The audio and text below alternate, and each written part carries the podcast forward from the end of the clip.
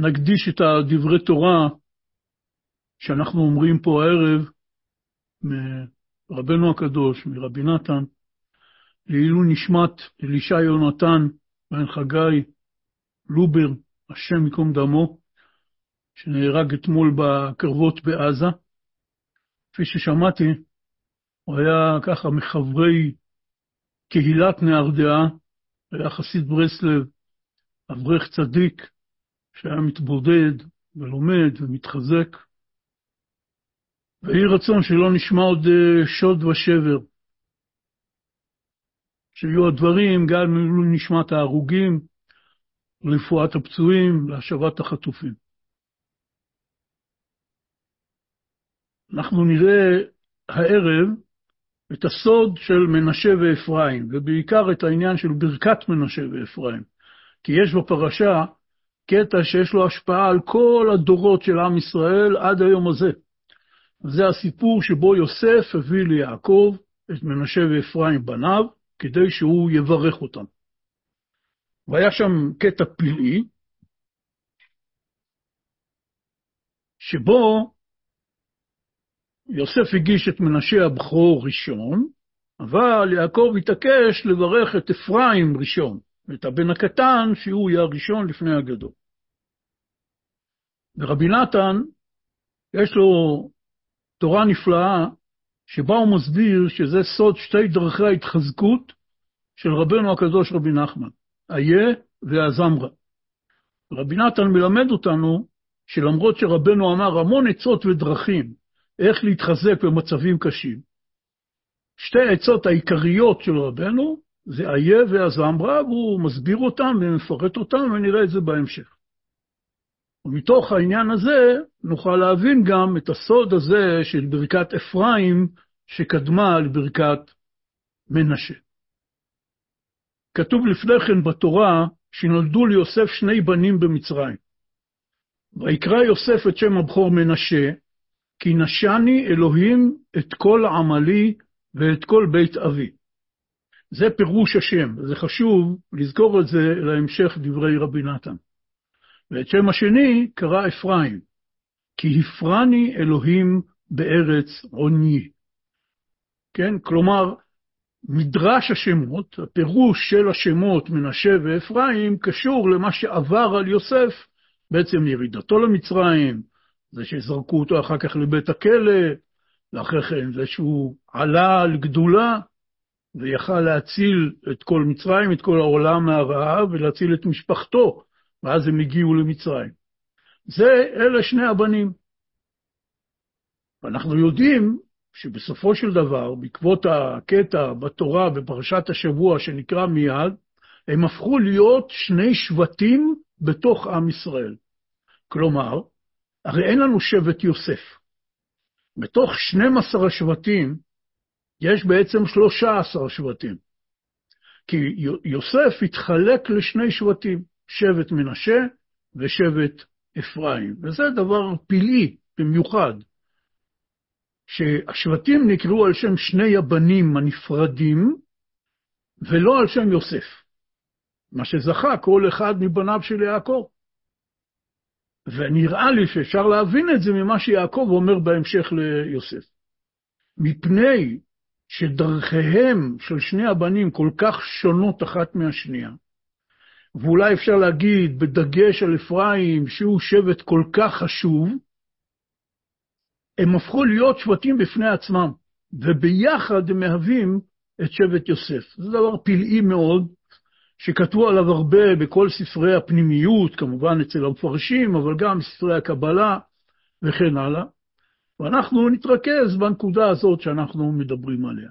אם כן, כתוב בפרשה, ויהי אחרי הדברים האלה, ויאמר ליוסף, הנה אביך חולה. ויקח את שני בניו עמו, את מנשה ואת אפרים. ויגד ליעקב, ויאמר, הנה בנך יוסף בא אליך. ויתחזק ישראל, וישב על המיטה.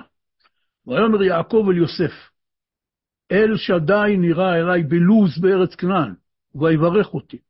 ויאמר אלי, הנני מפריך והרביתיך, ונתתיך לקהל עמים, ונתתי את הארץ הזאת לזרעך אחריך אחוזת עולם.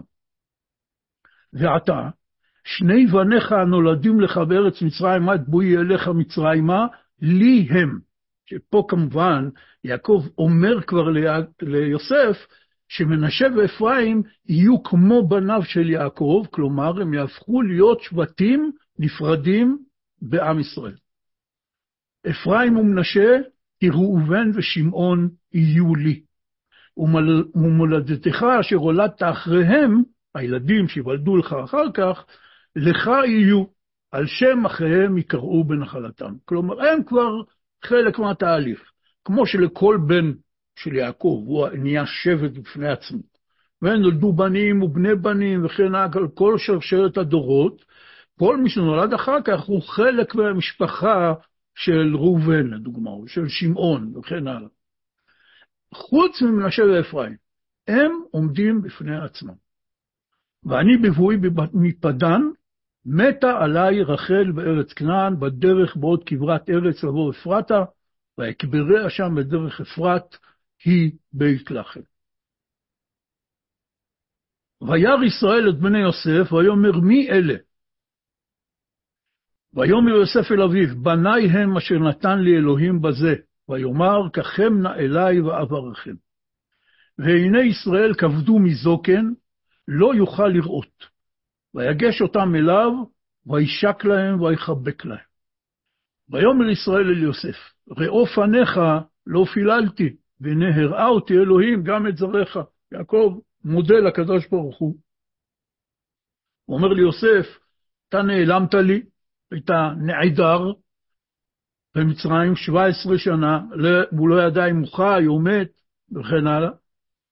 והנה כבר לא פיללתי לראות את פניך, והנה לא רק שראיתי את פניך, אלא גם ראיתי גם את בניך.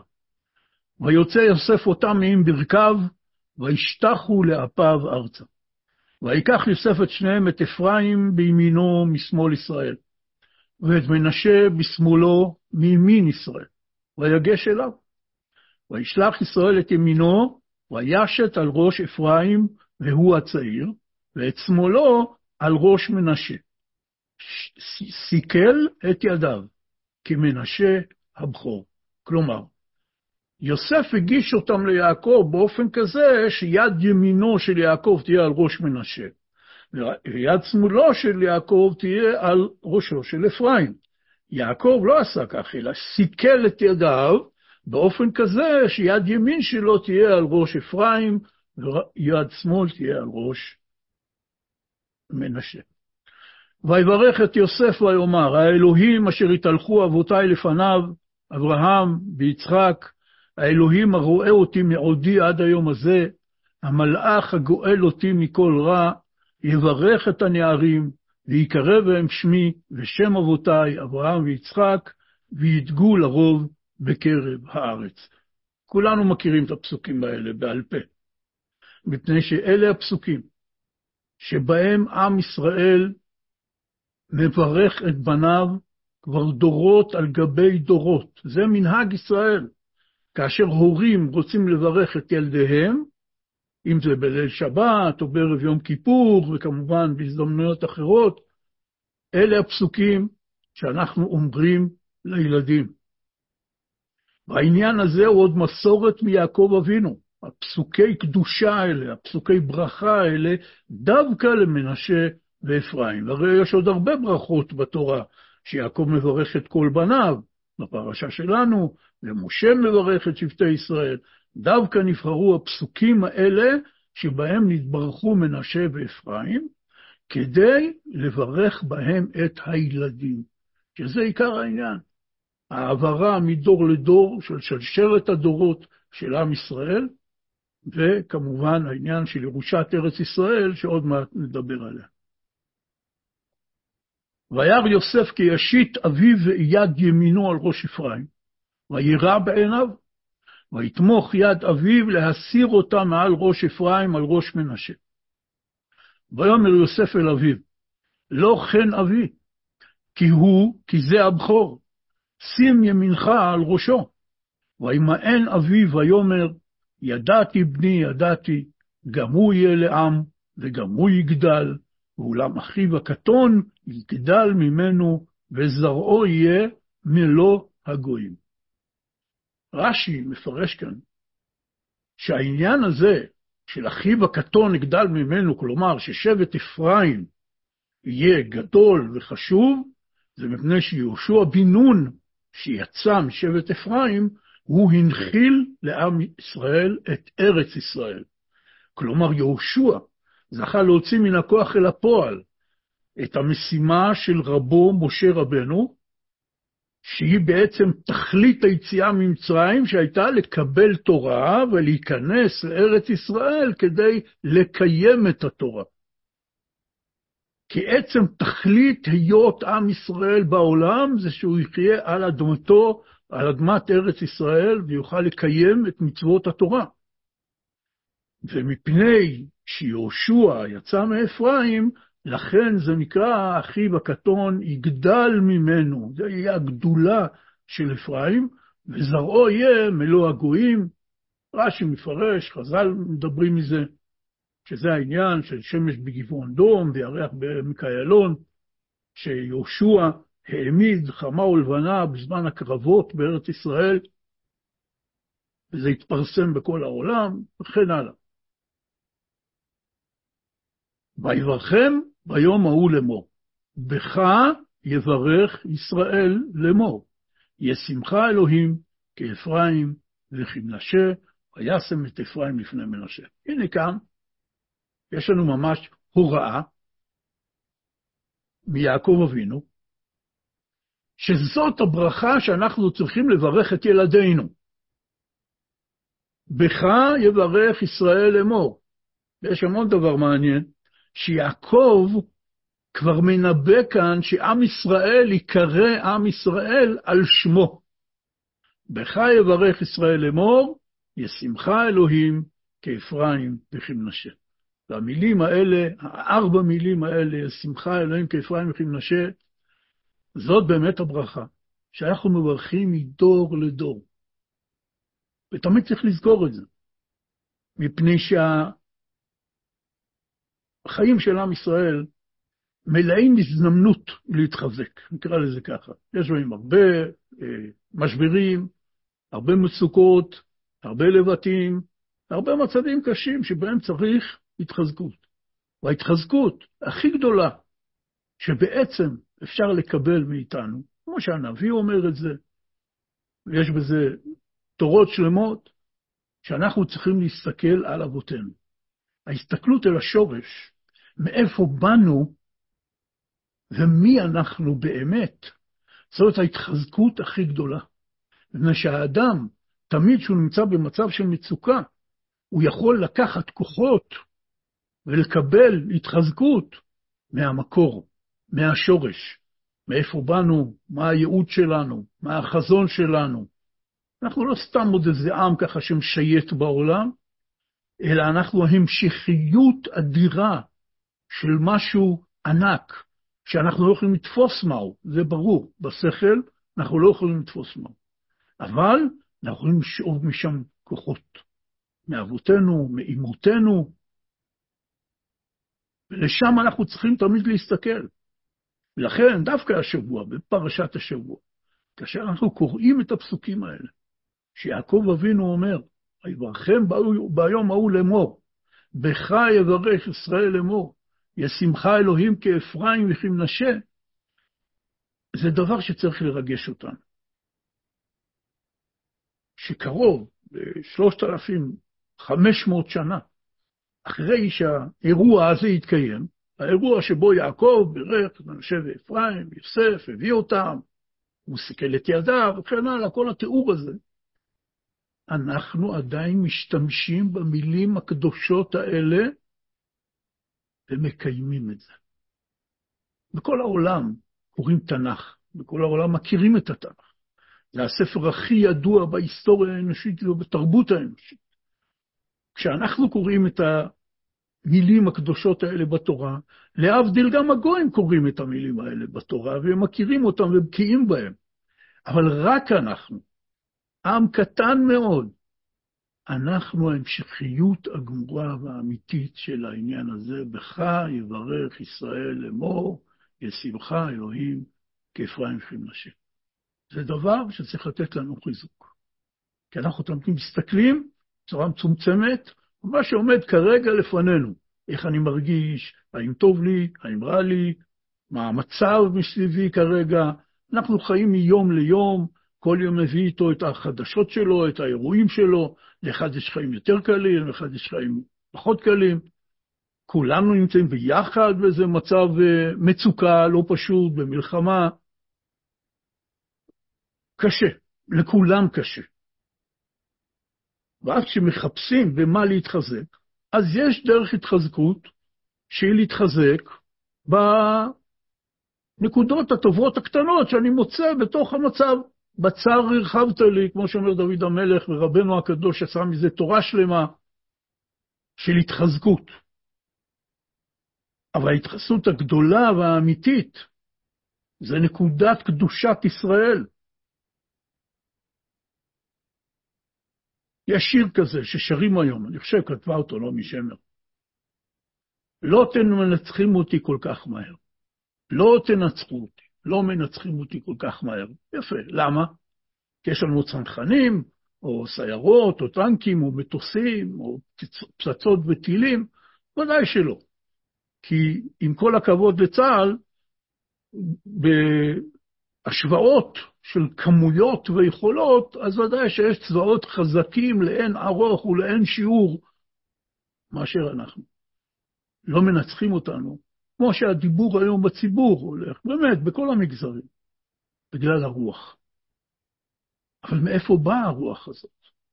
מאיפה באה הרוח הזאת? הדלת פתוחה לפני כולם ללכת ולחיות במקום אחר.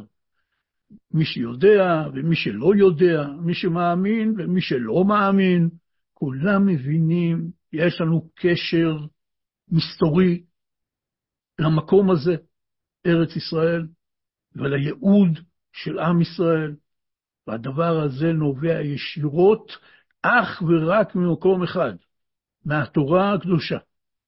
ולא, להבדיל, עוד פעם, עם כל הכבוד, לטוריות של החלוצים. זה לא בא משם.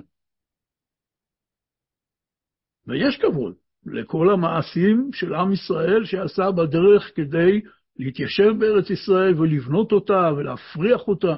הכל דברים נפלאים מאוד, אבל צריך לחזור לשורש. והשורש הוא כאן, בפרשה הזאת, פרשת ויחי. שבה יעקב, שהוא ישראל, אבינו,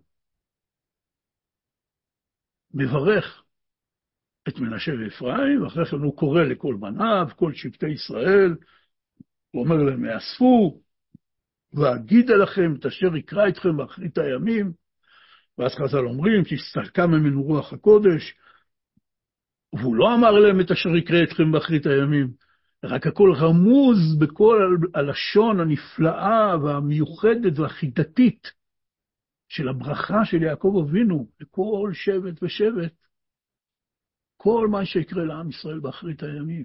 אנחנו באים ממקור עוצמתי, והכי עוצמתי שיש עלי אדמות. אין דבר יותר חזק. עם ישראל הוא מיוחד, אבל הוא לא מיוחד בזה שקיבלו הרבה פרסי נובל, או בזה שהוא מצטיין פה ושם מכל מיני דברים שאצל הגויים נקרא הצטיינות,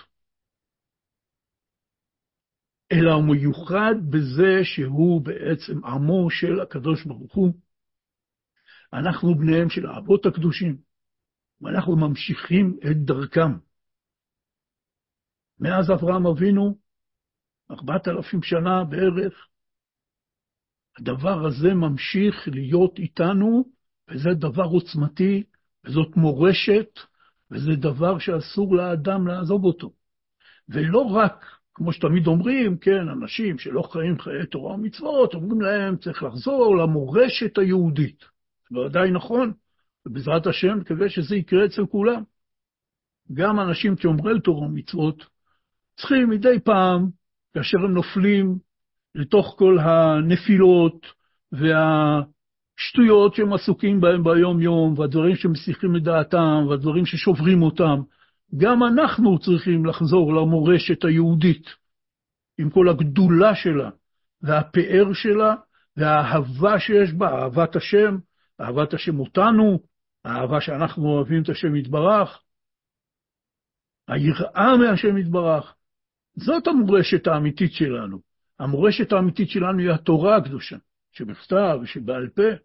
לכן דווקא השבת הזאת, שבת ויחי, שבת ברכת יעקב לעם ישראל, זה הזמן לשאוב, כמו שאומרים, בדליים, בחביות, הרבה מאוד עוז ותעצומות רוח ואמונה, וכמו שאנחנו עם כל כך עתיק, אנחנו בעצם לאמיתו של דבר עם נצחי, כי כך הקדוש ברוך הוא הבטיח לנו שאנחנו עם נצחי, אנחנו צריכים לשאוב קצת נצחיות, ומתחושת הנצחיות לקבל תחושת ניצחון. זה דבר שצריך אותו בימים האלה, וכל אחד צריך אותו. אם כן, עכשיו נראה בתוך דברי רבי נתן מברסלב, תלמידו של רבי נחמן, וליקוטי הלכות אורח חיים, הלכות עירובי תחומין, אות ב', ג' וי"ז, שמהם הבאתי ליקוט של מה שרבי נתן מסביר את הסוד שיש בתוך מנשה ואפרים בשתי דרכי ההתחזקות העיקריות שרבנו הקדוש, רבי נחמן, גילה לנו. וזה כמובן רלוונטי לכל אדם ואדם, גם בחיים הפרטיים שלו, במצבים הפרטיים שלו. וזאת הדרך שלנו, להחזיק מעמד בשעת קושי. נראה את שתי הדרכים האלה, אבל צריך להקדים הקדמה ולהגיד ששתי הדרכים האלה זה לא סגולות, וזה לא פטנט, וזה לא איזה משהו שאתה אומר, או, oh, מצאתי, ניתן נשיקה למשהו, נגיד שני פסוקים.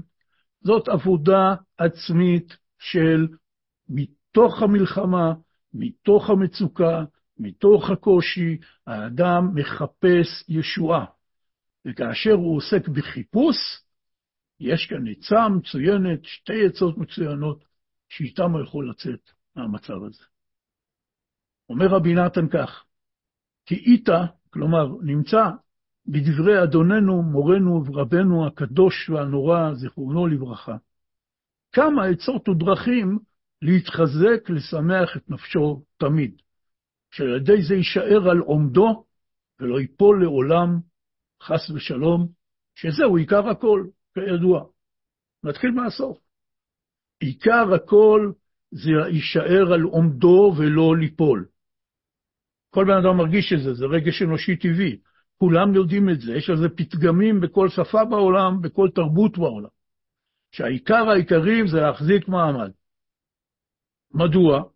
הרבה אנשים מגיעים לאיזושהי מסקנה במצבים מסוימים ואומר, עזוב, זהו, נמאס לי, עזוב, משחרר. תן ליפול, וזהו. זה נגד הרגש האנושי הטבעי, רגש החיים.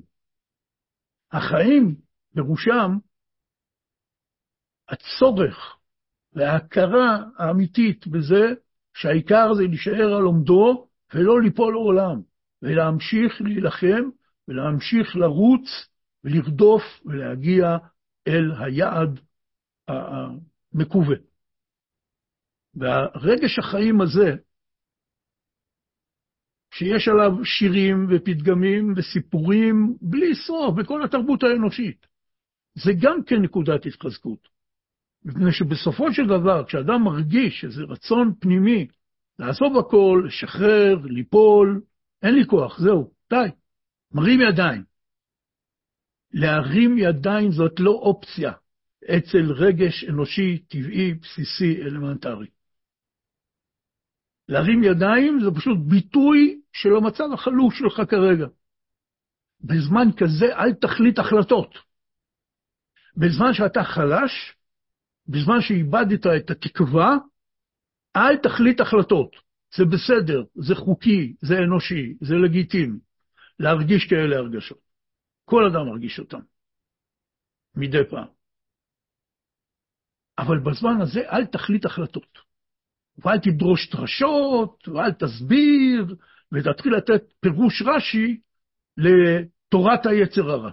עזוב, שים את זה בצד, כמו שהנביא אומר, חבי כמעט רגע עד יעבור זעם. תוריד את הראש, תחכה שהזמן הזה, הגל הזה יעבור, ותמשיך הלאה.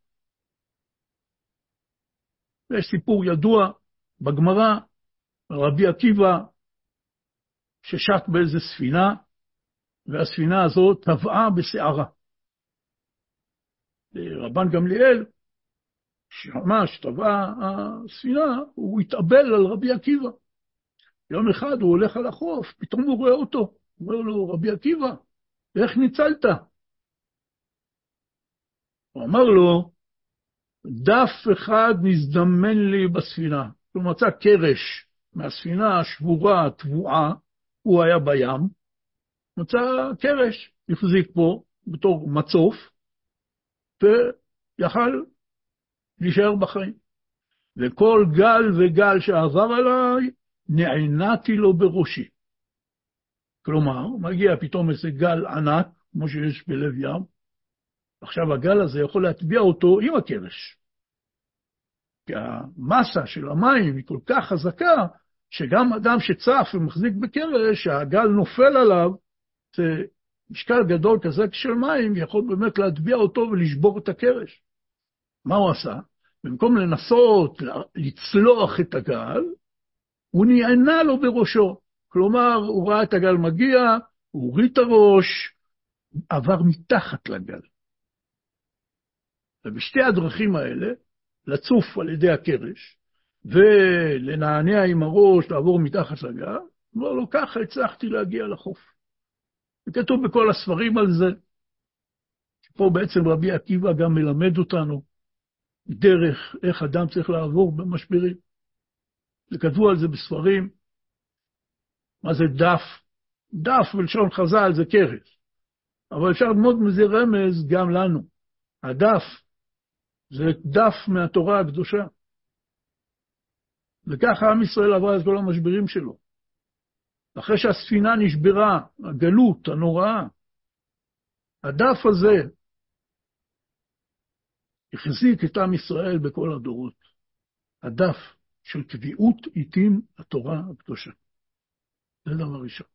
דבר השני, היה צריך תורת התחזקות. כשמגיע גל כזה גדול שיכול לאבד אותנו עם הדף שלנו, צריך לדעת לנענע את הראש, לעבור מתחת לגל ולא לנסות להילחם עם הגל. זה בדיוק העניין. שעיקר הרגש האנושי הטבעי היסודי, שלא צריך הסברים ולא צריך הוכחות, זה להישאר על עומדו ולא ייפול לעולם, חס ושלום. ולכן, אומר רבי נתן, זה עיקר הכל. אך עיקר ההתחזקות ביותר, הוא אומר, הוא על פי מה שמבואר בשני תורות קדושות, שהם הזמרה אלוקי בעודי, בליקוטי מוהר"ן, בסימן רפ"ב, ומה שכתב על פסוק ויעשה לעולה, בליקוטי מוהר"ן, תניאנה, בסימן י"ב, עיין שם היטב. אומר רבי נתן, אלה שתי התורות העיקריות. הרי קודם הוא אמר, יש בדברי רבנו כמה עצות ודרכים להתחזק ולשמח נפשו תמיד. יש המון המון תורות, עצות כאלה ואחרות, אבל שתי התורות העיקריות הן הזמרה ואיה, תורה רפ"ב בחלק ראשון בליקוטי מוהר"ן, ותורה י"ב בחלק שני בליקוטי מוהר"ן. עכשיו רבי נתן עוזר לנו ומסכם לנו את שתי התורות האלה בכמה שורות. למעשה, כי בתורה אז אמרה לאלוקיי בעודי, מבואר שכשהאדם רואה שרחוק מאוד מאוד מהשם יתברך, ומעשיו מכוערים מאוד, אף על פי כן יראה לחפש ולבקש ולמצוא בעצמו איזה נקודה טובה. כי איך אפשר שלא עשה איזה מצווה מימיו? ואף על פי שגם המצווה יש בה פסולת הרבה. כן, פניות אישיות, נגיעות, חיפוש כבוד, חיפוש כסף, מיליון דברים יכולים להיות, גם בקיום מצוות יכול להיות הרבה פסולת, משהו שהוא לא לשם שמיים. אף על פי כן, על כל פנים, בוודאי יש בה איזה נקודה טובה. לכן יבקש וימצא בעצמו עוד איזה נקודות טובות וכולו, ועל ידי זה יוכל להתפלל, וזהו הזמרה. כי הרי התורה הזאת נאמרה על הפסוק בתהילים, הזמרה לאלוקיי. העיקר הוא לשיר ולזמר לשם בתפילה. זה המהות של יהודי, להיות אדם שיודע ויכול לזמר לקדוש ברוך הוא בתפילה, בשמחה. כל מה שאנחנו עושים בתורה ומצוות, הכל בא לנקודה הזאת, שדוד המלך מדבר עליה כל כך הרבה בתהילים, וגם בפסוק הזה. אז אמרה לאלוקיי, אומר רבי נחמן, איך? איך זוכים לזה, להגיע למצב הזה? כי רוב בני האדם ברוב הזמן, גם אנשים שמתפללים כל יום, הם רחוקים מאוד מהעניין הזה, אין להם כרגע איזו פתיחות ופנימיות בנפש לשיר ולזמר לקדוש ברוך הוא. אומר רבנו, בעודי, על ידי העוד מעט טוב שאני מוצא בעצמי. אם אני כל הזמן עסוק בחיפוש הנקודות הטובות בעצמי, כי איך ייתכן שלא עשיתי איזו מצווה מימיי? כי הטוב האמיתי זה המצווה. וגם אם המצווה הזאת היא לא טובה, גם בה בתוכה אני מחפש נקודה טובה, וגם אם שם אני מוצא עוד איזה בעיות, פסולת, אני מחפש עוד נקודה טובה, עד שאני מגיע לנקודה הטובה, הנצחית, האמיתית, השלמה והמושלמת, המיקרוסקופית. אבל גם דבר מיקרוסקופי קיים במציאות. ואז, אחרי שפיניתי את כל הפסולת מכל המקומות, הצלחתי להגיע אל הנקודה הטובה, המיקרוסקופית הזאת, בה אני מתחזק. רבנו מסביר שם לעומק מה הקשר בין הדברים וכן הלאה. אבל זאת התורה, שאולי התורה הכי מפורסמת של רבנו, תורת הזמרה. ועכשיו רבי נתן בא להסביר לנו את התורה השנייה, תורה י"ב בחלק שני. ובסימן י"ב בליקוטי תניאנה, פסוק ויעשה לעולה, מבואר נפלאות מעניין ירידה תכלית העלייה. עיין שם היטב. והכלל שמקומות הרחוקים מאוד מהשם יתברך, שהם בחינת מקומות המטונפים, עיקר קיומם נמשך דייקה מבחינת איה מקום כבודו, שהוא בחינת בראשית, מאמר סתום, שמשם מקבלים כל עשרה מאמרות, כי הוא כולל כולם. ומשם דייקה מקבלים חיות מקומות רחוקים מאוד הנ"ל, כי הם מקבלים חיות מגודל העלמה וההסתרה של מאמר זה. נסביר את זה ככה ממש בקצרה. חז"ל אמרו, בעשרה מאמרות נברא העולם. כלומר שבמעשה בראשית מופיע עשר פעמים ויאמר אלוקים יהי אור וכן הלאה. תפתחו ספר בראשית, תספרו. כמה פעמים כתוב ויאמר אלוקים יהי כך וכך. אבל באמת, אם תכנסו ותספרו, אתם תראו שאין עשרה, יש תשעה.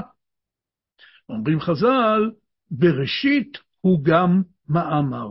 בראשית ברא אלוקים, למרות שלא כתוב ויאמר אלוקים, כתוב בראשית ברא אלוקים את השמיים ואת הארץ, הוא נקרא מאמר סתום. למה סתום? כי לא מופיע המילה ויאמר. זאת אמירה שאין בה אמירה. זה נקרא מאמר סתום.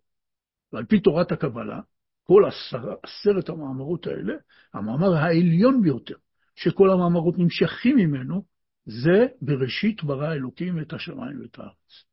משם נמשכים כולם. רבנו מכנה את זה, יש מאמר סתום, ויש את המאמרות המתגלים. כלומר, יש את המאמרות, יאמר אלוקים, יהי כך וכך. וכל חלק מהבריאה נברא על ידי אחד מעשרת המאמרות האלה. ועל פי אמונתנו, בכל חלקי הבריאה, על כל פרטיהם, שאין ספור פרטים שיש בבריאה, עשרת המאמרות מהדהדים עדיין בתוך כל חלקי הבריאה. וכל דבר, נתחיל בעצמנו, כמובן, שגם אנחנו חלק מהבריאה, וכל הדומם, צומח, חי ומדבר, שזה האדם, כל דבר שהוא עדיין חי, מהדהדת בו האמירה מאחד מעשרת המאמרות של ויאמר אלוקים יהי כך וכך. שכולם נשאבים ונמשכים במאמר הסתום.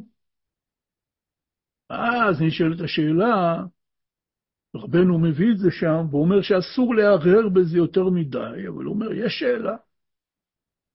מאיפה מקבלים כוח וחיות המקומות שהם רחוקים מהשם יתברך, מקומות שהם מתנגדים לשם יתברך, מקומות שנלחמים בשם יתברך. אומר רבנו, מפני שהם לא יכולים, חיו, לא יכולים לקבל חיות באופן ישיר, שהם כל כך רחוקים מהקדושה, הם מקבלים חיות מהמאמר הסתום, ואז יוצא מצב של סתירה, של אבסורד. המקום הכי רחוק מהשם יתברך, מקבל חיות ישירות מהמקום הכי גבוה. דבר מוזר מאוד. לכן רבנו אומר שאין לערער בזה יותר מדי, יש בו שאלות גדולות מאוד, אבל כך הדבר. אנחנו הרי לא מבינים בכל הדברים האלה שדיברתי עד עכשיו, אני ודאי לא מבין, וכנראה אף אחד לא מבין, אבל כך קיבלנו וככה אנחנו מאמינים, וזאת התורה שאנחנו לומדים, וזאת הדרך היהדות מסתכלת על העולם.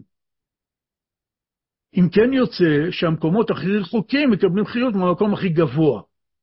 והמקום הכי גבוה הזה הוא נקרא בתורת הקבלה איה. איפה? וזה מה שהמלאכים אומרים, ככה אנחנו אומרים בקדושה של שבת, איה מקום כבודו. המלאכים אומרים אחד לשני, איה מקום כבודו.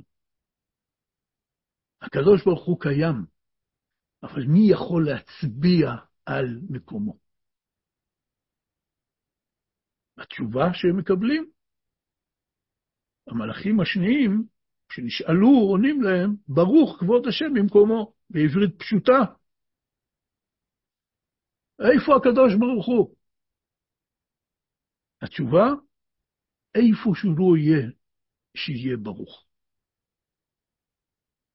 אין לנו נ"צ. אין לנו קואורדינטות. אנחנו יכולים לבוא ולהגיד, הנה. לכן, איה מקום כבודו זאת שאלה שיש בתוכה תשובה. וזו נקודה מאוד מאוד חשובה, שלא נאריך בה כרגע. וזו שאלה גדולה מאוד לכל אדם שנמצא בקושיות על אמונה. אולי זו לא תשובה שתתגלה יפה באיזה סימפוזיון אקדמי הדן במציאות הבורא. אבל הלב זו תשובה אמיתית. כי כשאדם מתעוררת בו שאלה חזקה, איפה היה הקדוש ברוך הוא שקרה האירוע הקשה הזה והזה, לא משנה מהו, מאירוע פרטי הכי קטן ועד לאירועים גדולים מאוד בחיי ותולדות עם ישראל, אם זה בכלל בתולדות העולם.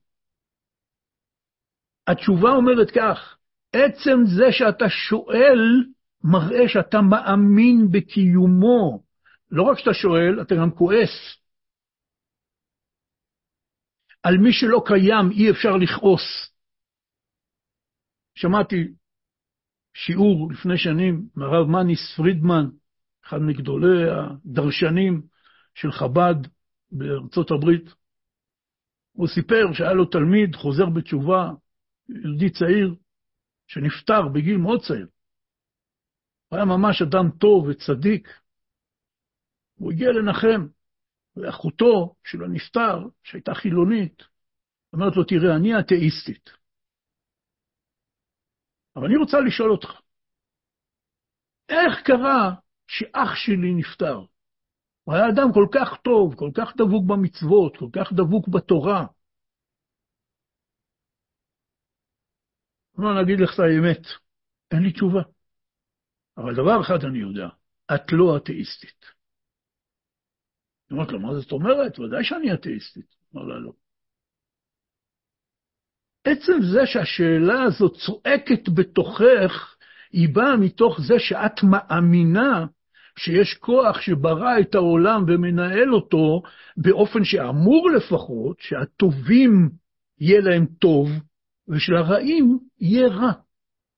וכאשר את רואה מצב, בו במקרה של אחיך, שבאמת היה אדם טוב, וקרה לו רע, זה לא מקובל עלייך. את מרגישה שיש פה איזו סתירה, יש פה התנגשות, יש תקלה במערכת.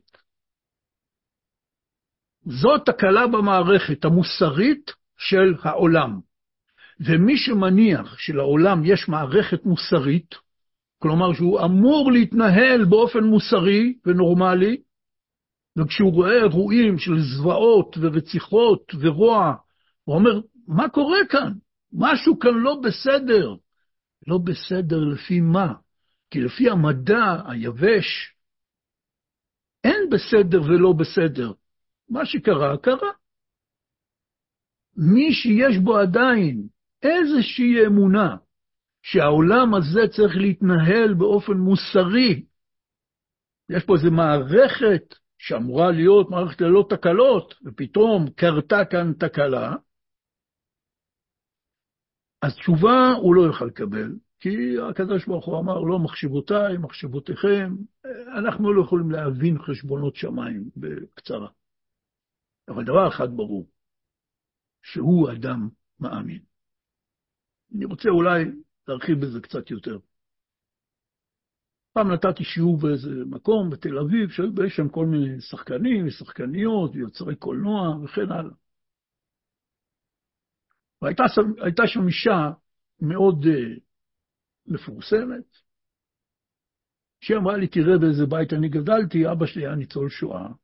כל שבת הוא היה לוקח אותנו לבית הכנסת ברמת גן, היינו עומדים מחוץ לבית כנסת, הוא היה יורק על הבית כנסת, והולכים הביתה. היא אומרת לו, ככה, היא אומרת לי, ככה גדלתי. מה יש לך להגיד על זה? אמרתי לה, בהשראת אותו סיפור מהרב מניס פרידמן, אבא שלך היה אדם דתי מאוד. הוא כעס על הקדוש ברוך הוא, ואפשר כמובן להבין כל מה שהוא עבר בשואה וכן הלאה. הוא, היה, הוא עשה איזה סוג של עבודת השם. עבודת השם שלו, היחס היחידי שהוא הצליח לייצר בינו לבין הקדוש ברוך הוא, זה כעס נורא. לכן הוא הרגיש צורך ללכת כל יום שבת לבית כנסת, שהוא עדיין תפס את בית הכנסת כמקום שכאילו מייצג את הקדוש ברוך הוא, או משהו בסגנון הזה, ולהביע את הכעס שלו, את הזעם שלו, את התסכול שלו. אבל היה אדם מאמין מאוד. מי שלא מאמין, ממילא גם לא מאמין לא בקדושת בית כנסת, או שהקדוש ברוך הוא שוכן בבית הכנסת, או משהו מהסגנון הזה, מה לו לא ולבניין הזה בכלל, כן? על מי שלא קיים לא כועסים. על הקדוש ברוך הוא כועסים הרבה. אחרי השואה היו הרבה אנשים שכעסו עליו. על הקדוש ברוך הוא התנ"כי, היהודי. אף אחד לא כעס על איזה אל יווני מהמיתולוגיה, על פוסדון, למה הוא עשה את השואה, או כל אסון אחר שקרה בעולם. למה לא? כי זה כלום, זה. אנחנו יודעים שזה שטויות, זה כמו לכעוס על מיקי מאוס. זה דמות בדיונית מאיזה תרבות אנושית. הקדוש ברוך הוא היהודי זה משהו אחר, סיפור אחר לגמרי. אז יש אדם, שזה מצער כמובן, שהצליח לצמצם את היחסים שלו איתו אך ורק לכעס. אבל הכעס הזה מראה על אמונה גדולה מאוד. עכשיו נחזור לתורה י"ב. כן, יש מקומות מטונפים, יש מקומות של ספקות גדולים מאוד. המקום הזה מקבל חיות מהמאמר הכי גבוה, הנסתר, הנעלם, המאמר הסתום. אומר רבי נתן, ועל כן כשאדם נופל לשם חס ושלום, ונופל לספקות והרהורים ובלבולים גדולים, אתם יודעים שאדם קורא את זה, אז זה עוד אה, ארבע מילים. ספקות, הרהורים, בלבולים גדולים, אבל לכל אחד מאיתנו יש תקופות בחיים שזה מה שמגדיר את המצב רוח. ספקות והרהורים ובלבולים גדולים. ויש לזה עומסים רגשיים ומחשבתיים, לא פשוטים בכלל, לפעמים הם הופכים להיות עומסים גופניים אפילו. מה עושים? ורואה עוצר רחוקו מהשם יתברך, אל ייפול על ידי זה חס ושלום. כי אדרבה, על ידי זה בעצמו שרואה גודל רחוקו שרחוק מאוד מכבודו יתברך, ושואל ומבקש היה מקום כבודו בתוך הספקות והערעורים והבלבולים, בתוך הריחוק הנורא, הוא ממשיך וצועק, ריבונו של עולם, איפה אתה? איה מקום כבודו. על ידי זה בעצמו עיקר תיקונו ועלייתו לבחינת ירידת תכלית העלייה. רבנו כותב שם בלקוטי מוהר"ן, שעצם זה שהוא צועק, רבנו לא אומר, אתה תהיה במקום הרחוק, אתה תצעק, ריבונו של עולם, איפה אתה? ואז פתאום הקדוש ברוך הוא יתגלה אליך, איזה יופי, happy end, מוזיקה שמחה. לא. רבנו אומר, אתה תהיה במקום הרחוק, ואתה תצעק, ריבונו של עולם, איפה אתה? ועצם הצעקה הזאת, היא, ככה אומר רבנו, זה, זה, עיקר תיקונו ועלייתו. התיקון והעלי... למצב השבור, והעלייה מהמקום הרחוק. זה על ידי הצעקה, יהיה מקום כמו זה, עצם זה שאתה צועק ומחפש.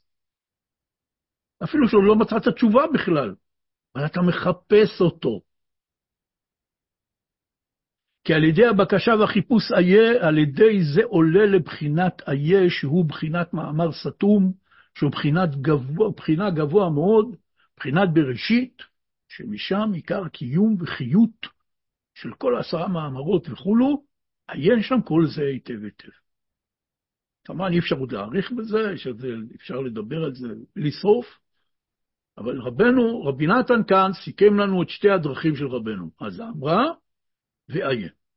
עכשיו הוא מסביר לנו איך זה קשור למנשה ואפרים, ונקרא את הקטע הזה לסיום. ועל שם זה נקראים בני יוסף מנשה ואפרים, על שהוליכם יוסף במצרים שהוא ערוות הארץ, והוא בגודל צדקתו, זכה גם שם לעמוד בניסיון ולבלי ליפול בדעתו בכל מה שעבר עליו. שזהו גם כן מכלל הניסיון. כי כשמנסים את האדם, לוקחים ממנו את שלמות הדעת, שזהו עיקר הניסיון. כאשר שמעתי ממנו זיכרונו לברכה. תזכרו את זה. רבי נתן אומר, מעיד, אני שמעתי מרבנו, שכאשר אדם עומד בניסיון, עיקר הניסיון זה שהוא מאבד את הדעת, את הדעת השלמה, המיושבת, האמיתית. ולכן אמרתי בהתחלה, בזמן כזה אסור להחליט החלטות, לקחו לך את הדעת. בזמן הזה הזמן לנענע את הראש מתחת לגל שיעבור, לחכות, לחזור מצב רגיל, ואז תחליט החלטות. ויוסף עבר עליו כל זה והיה בניסיון גדול, ועמד בניסיון. כן, לא נשכח, האחים שלו שנאו אותו, חטפו אותו, מכרו אותו לעבד, הוא ירד למצרים, היה עבד, אחרי זה עוד זרקו אותו לבית סוהר, אחרי שהוא עמד בניסיון הגדול עם אשת פוטיפר, עברו עליו ימים לא פשוטים בכלל. וזה במצרים ערוות הארץ, שהוא היה הבן החביב על בנו, על אביו הקדוש, יעקב אבינו. אבל הוא עמד בניסיון. על ידי זה זכה שיהיה לו כוח לברר ולמצוא הטוב בכל מקום שהוא. שעל ידי זה היה כוח לישראל להיות במצרים בגלות, כי למחיה שלחו אלוקים, כמו שיוסף אומר מפורש לאחים. בפרשת השבוע. הם פחדו, מה הוא יעשה להם עכשיו, אחרי כל מה שהם עשו לו? אמר להם, אל תעצבו, כי למחיה שלחני אלוקים לפניכם. הכל היה לטובה. כי לולי כוח יוסף הצדיק שהקדים לפניהם שם, לא היה כוח לישראל לעמוד בגלות. וכן עכשיו, אומר רבי נתן, לולי כוח הצדיקים האמיתיים, שמלמדים עלינו זכות, שכל הצדיקים האמיתיים מבחינת יוסף הצדיק. לולי כוח הצדיקים האמיתיים שמלמדים עלינו זכות ומחזקים אותנו על פי הדרכים הקדושים הנ"ל, איה והזמרה, לא היה כוח לסבול מרירות הגלות בכלליות, בפרט הגלות של כל אחד ואחד. ועל כן קרא שם בניו מנשה ואפרים על שם זה, שאפילו במקומות הרחוקים מאוד יכולים למצוא את השם יתברך על ידי כל הנ"ל. הילדים האלה נולדו לו במצרים. הוא קרא להם השם שלהם זה על שם מה שעבר עליו ועבר עליו. וכך גם כל הצדיקים האמיתיים הנחילו, הנחילו לנו שתי דרכים, אחת נקראת מנשה ואחת נקראת אפרים. עכשיו הוא מסביר מה. וזהו מבחינת מנשה, שנקרא על שם כי נשני השם את כל עמלי. מה זה נשני? השכיח ממני את כל עמלי, את הצער שעברתי. נשייה בעברית זה שכחה. אז לכן, כי נשני השם, זה נקרא מנשה, הקדוש ברוך הוא השכיח ממני את כל הצער וכל מה שעברתי. שאפילו הנישיון והשכחה, הכל מהשם. היינו שגם בבחינת חלל הפנוי, ששם אין יכולים למצוא אלוקותו יתברך, גם זה מהשם יתברך. כי יודע שהנישיון והשכחה גם כן מהשם יתברך, ועל זה יוכל להשתדל ולחפש השם יתברך, גם משם כנ"ל, וזה בחינת האק. כלומר, גם כשנופל למקום של ספקות, של כפירה, של ספקות באמונה, של ריחוק נורא מהשם, לפעמים ריחוק אמונה מהשם, הוא יודע שגם המקום הזה, שכאילו אין בו השם, חס ושלום, זה גם כן מהשם. והשכחה הזאת מהשם היא גם כן מהשם. ולכן הוא יכול, מתוך המצב הזה, לצעוק, איה, לצעוק, איפה אתה, ריבונו של עולם, תציל אותי. וזאת הדרך הראשונה. מנשה זה דרך איה. אפרים נקרא על שם כי הפרני אלוקים בארץ עוני, שגם בארץ עוני אני יכול למצוא טוב, מבחינת פירות. כן, מה זה הפרני? הפרני מלשון פריון, מלשון פירות. ויזרעו שדות ויתו כרמים. וזהו בחינת הדרך של הזמרה. אומר לו רבי נתן, יש שתי דרכים, יש בחינת מנשה, יש בחינת אפרים. מנשה זה הנישיון, השכחה, להגיע למקום שבו כאילו השם נשכח. אבל האדם מאמין שגם הנישיון והשכחה האלה הם מהשם, ולכן הוא צועק איה, זה יכול לשלוף אותו. הפרני, הפרני אלוקים ברצוני, לא רק השכח ממני את הצער, נתן לי פריון, נולדו לי בנים, עליתי לגדולה, אני מפרנס ומשביר לכל הארץ, גם בגשמיות, גם ברוחניות, יוסף הצדיק. זה הדרך של הזמרה. זה לחפש נקודה טובה דווקא. לא רק להגיד, יש לי רק נקודות רעות, אבל גם זה מהשם. זה איה נחמד מאוד. הזמרה, אני מוצא מקום לשיר ולזמר לשם בתוך ארץ עוני. זה שנקרא הפרני, זה הפירוט. ועכשיו אולי נבין, לסיום, אפשר להגיד רעיון, רבי נתן לא כותב את זה, למה יעקב שם את היד שלו דווקא על הראש של אפרים, למרות שהוא הקטן? ויוסף, זה לא מצא חן בעיניו. הוא אומר לו, לא, אבא, תשים את יד ימין על מנשה.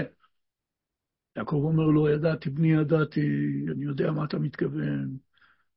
גם מנשה יהיה לעם, הוא יהיה שבט, אל תדאג, אבל אחיו הקטון יגדל ממנו, כך הוא אומר לו, יגדל ממנו.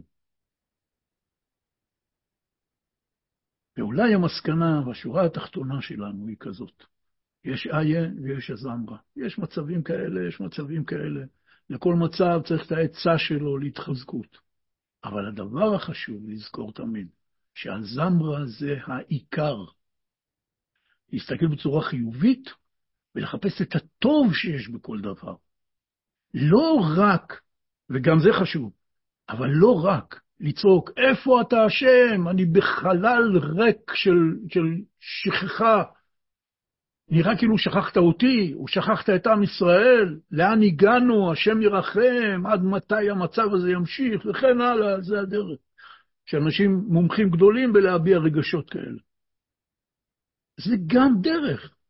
לצעוק, אבא, איפה אתה?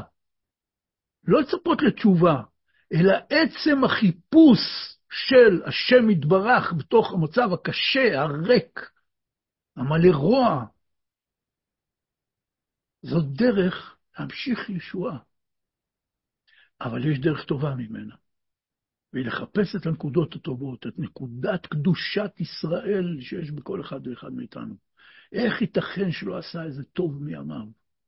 על ידי זה אפשר לשיר לשם, לא רק לצעוק מתוך מצוקה, אלא לשיר לשם, לזמר ולהלל אותו, למרות הכל, ואף על פי כן, להישאר יהודים שבכל מצב, בכל תנאי, בכל המאורעות שעברו עלינו, תמיד האמנו בשם יתברך, שרנו לשם יתברך, פללנו לשם יתברך, עבדנו אותו, כי זה הייעוד שלנו.